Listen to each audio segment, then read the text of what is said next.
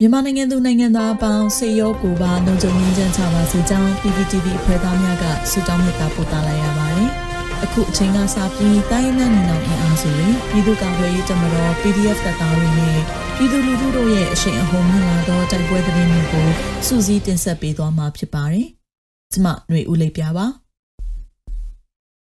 ထမဆုံးအနေနဲ့ရန်ကုန်ကော့မူတွင်စစ်ကောင်စီကင်းလှည့်ရင်နှစ်စီးကို PDF ကတိုက်ခိုက်လို့စစ်သား2ဦးအပြင်းအထန်ဒဏ်ရာရတဲ့တဲ့တင်တင်ဆက်ပါမယ်။ရန်ကုန်တိုင်းကော့မူမြို့နယ်တွင်စစ်ကောင်စီ၏ကင်းလှည့်ရင်နှစ်စီးကို PDF ကယနေ့တိုက်ခိုက်လိုက်ပြီးစစ်သား2ဦးအပြင်းထန်ဒဏ်ရာရရှောင်းရန်ကုန်တိုင်းစစ်သေးသားခွဲကုကဲရီအဖွဲ့ကသတင်းထုတ်ပြန်ပါတယ်။ကော့မူမြို့နယ်မကြီးကန်ရွာနောက်ဖက်ရှိကြိုက်ထောကားလမ်းမပေါ်မှာမင်းအောင်လိုင်းစစ်တပ်ကင်းလှည့်ရင်ငယ်နောက်စီးကိုယ နေ့ညနေ9နာရီကျော်ခန့်မှာရန်ကုန်တိုင်းစစ်ဒေသခွဲကုကဲရေးအဖွဲ့၏ပြည်သူတော်လှန်ရေးအင်အားစုများကပြစ်ခတ်တိုက်ခိုက်ခဲ့ကြောင်းပြစ်ခတ်မှုကြောင့်ကားပေါ်ပါလာသည့်စစ်သား2ဦးဒဏ်ရာပြင်းထန်စွာရရှိခဲ့ပြီးပြန်လည်ပြစ်ခတ်နိုင်ခြင်းမရှိဘဲဆုတ်ခွာထွက်ပြေးသွားခဲ့ကြောင်းသတင်းထုတ်ပြန်ချက်တွင်ဖော်ပြထားတာပါ။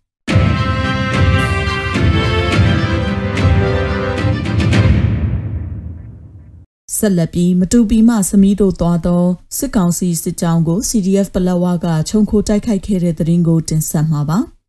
နိုဝင်ဘာ9ရက်နေ့မှာချင်းပြည်နယ်မတူပီမြို့မှာစမီးမြို့သို့အင်အားဖြည့်ရန်ချီတက်လာသောအကြမ်းဖက်စစ်ကောင်စီတပ်ကို CDF ပလက်ဝကမတူပီပလက်ဝကားလမ်းပေါ်ရှိကန်တောင်ပေါက်စင်ကျေးရွာတလျှောက် ၃ရက်တိုင်းခြုံခိုတိုက်ခိုက်ခဲ့ပြီးအကြမ်းဖက်စစ်ကောင်စီဘက်ကအထိနာခဲ့တယ်လို့ CDF မင်းတပ်ကထုတ်ပြန်ပါတယ်။9ရက်17လ2021ပထမရက်တိုက်ပွဲအတွင်းမတူပီပလက်ဝကားလန်အတိုင်းအကြမ်းဖက်စစ်ကောင်စီမှအင်အား60ရင်နှန်းနှစ်စီးဖြစ်ချီတက်လာရာ CDF ဘက်မှလက်ဦးမှုယူကာပဒေသာမိုင်းများဖောက်၍တနအီခန့်လက်နက်ငယ်များဖြင့်ခြုံကိုတိုက်ခိုက်ခဲ့ခြင်းဖြစ်ပြီး10ရက်17လ2021ဒုတိယမြောက်ရက်မှာတော့ အကြမ်းဖက်စစ်ကောင်စီတပ်များပေါက်စင်ကြီးရွာမှစမီမျိုးတို့ဆက်လက်ချီတက်လာသောကြောင့်မိမိတို့ဘက်မှမိုင်းများအများအပြားတပ်ဆင်ကခြုံခိုတိုက်ခိုက်ခဲ့ကြရပါရင်းတိုက်ပွဲတွင်အကြမ်းဖက်စစ်ကောင်စီမှ9ယောက်ကြာဆုံးပြီးဒဏ်ရာရရှိသူများရှိခဲ့တာပါ17ရက်17လ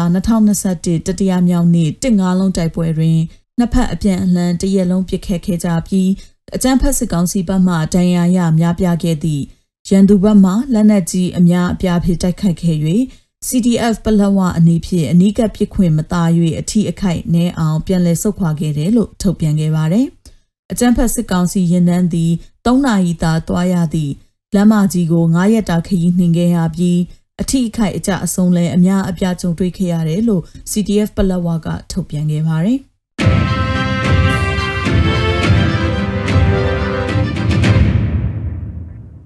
နောက်ဆုံးအနေနဲ့အမျိုးသားညီညွတ်ရေးအစိုးရပြည်ထရေးနဲ့လူဝင်မှုကြီးကြပ်ရေးဝန်ကြီးဌာနကနိုဝင်ဘာ23ရက်ရက်စွဲနဲ့ထုတ်ပြန်တဲ့ပြည်သူ့ခုခံတော်လှန်စစ်တရင်အချက်လက်တွေကိုတင်ဆက်ပေးသွားမှာပါ။အာနာသိန်းအကြမ်းဖက်စစ်အုပ်စု၏ပြည်သူလူထုအပေါ်အကြမ်းဖက်ဖိနှိပ်ဖန်ဆီးတိုက်ခိုက်တပ်ဖြတ်နေမှုများကိုပြည်သူလူထုတရက်လုံးကအသက်ရှင်သန်ရေးအတွက်မိမိကိုယ်ကိုမိမိခုခံကာကွယ်ပိုင်ခွင့်အရာပြည်သူ့ခန့်စစ် People Defensive War ကိုဆင်နွှဲလျက်ရှိပါတယ်။တရင်ချက်လက်များအရာ စနေရက်17လ2021ရက်နေ့တွင်စစ်ကောင်စီတပ်ဖွဲ့ဝင်62ဦးသေဆုံးပြီးထိခိုက်ဒဏ်ရာရရှိသူ10ဦးအထိခုခံတိုက်ခိုက်နိုင်ခဲ့ပါတယ်။စစ်အာဏာရှင်စနစ်မြမမြေပေါ်မှာအပြည့်တိုင်ချုပ်ငြိမ်းရေးနဲ့ Federal Democracy တည်ဆောက်ရေးအတွက်ငြိမ်းချမ်းစွာဆန္ဒပြသည့်လူထုတပိတ်ပွဲတိုက်ပွဲများကပြည်내နဲ့တိုင်းဒေသကြီးများဖြစ်ပွားပေါ်ပေါက်လျက်ရှိပါတယ်။မြေပြင်မှာယခုတွေ့ရတဲ့သတင်းအချက်အလက်များထက်ပို၍ဖြစ်ပါနိုင်ပါတယ်ရှင်။ Yeah, အောင် ရမည်ရေတော်ဘုံအောင်ရမည်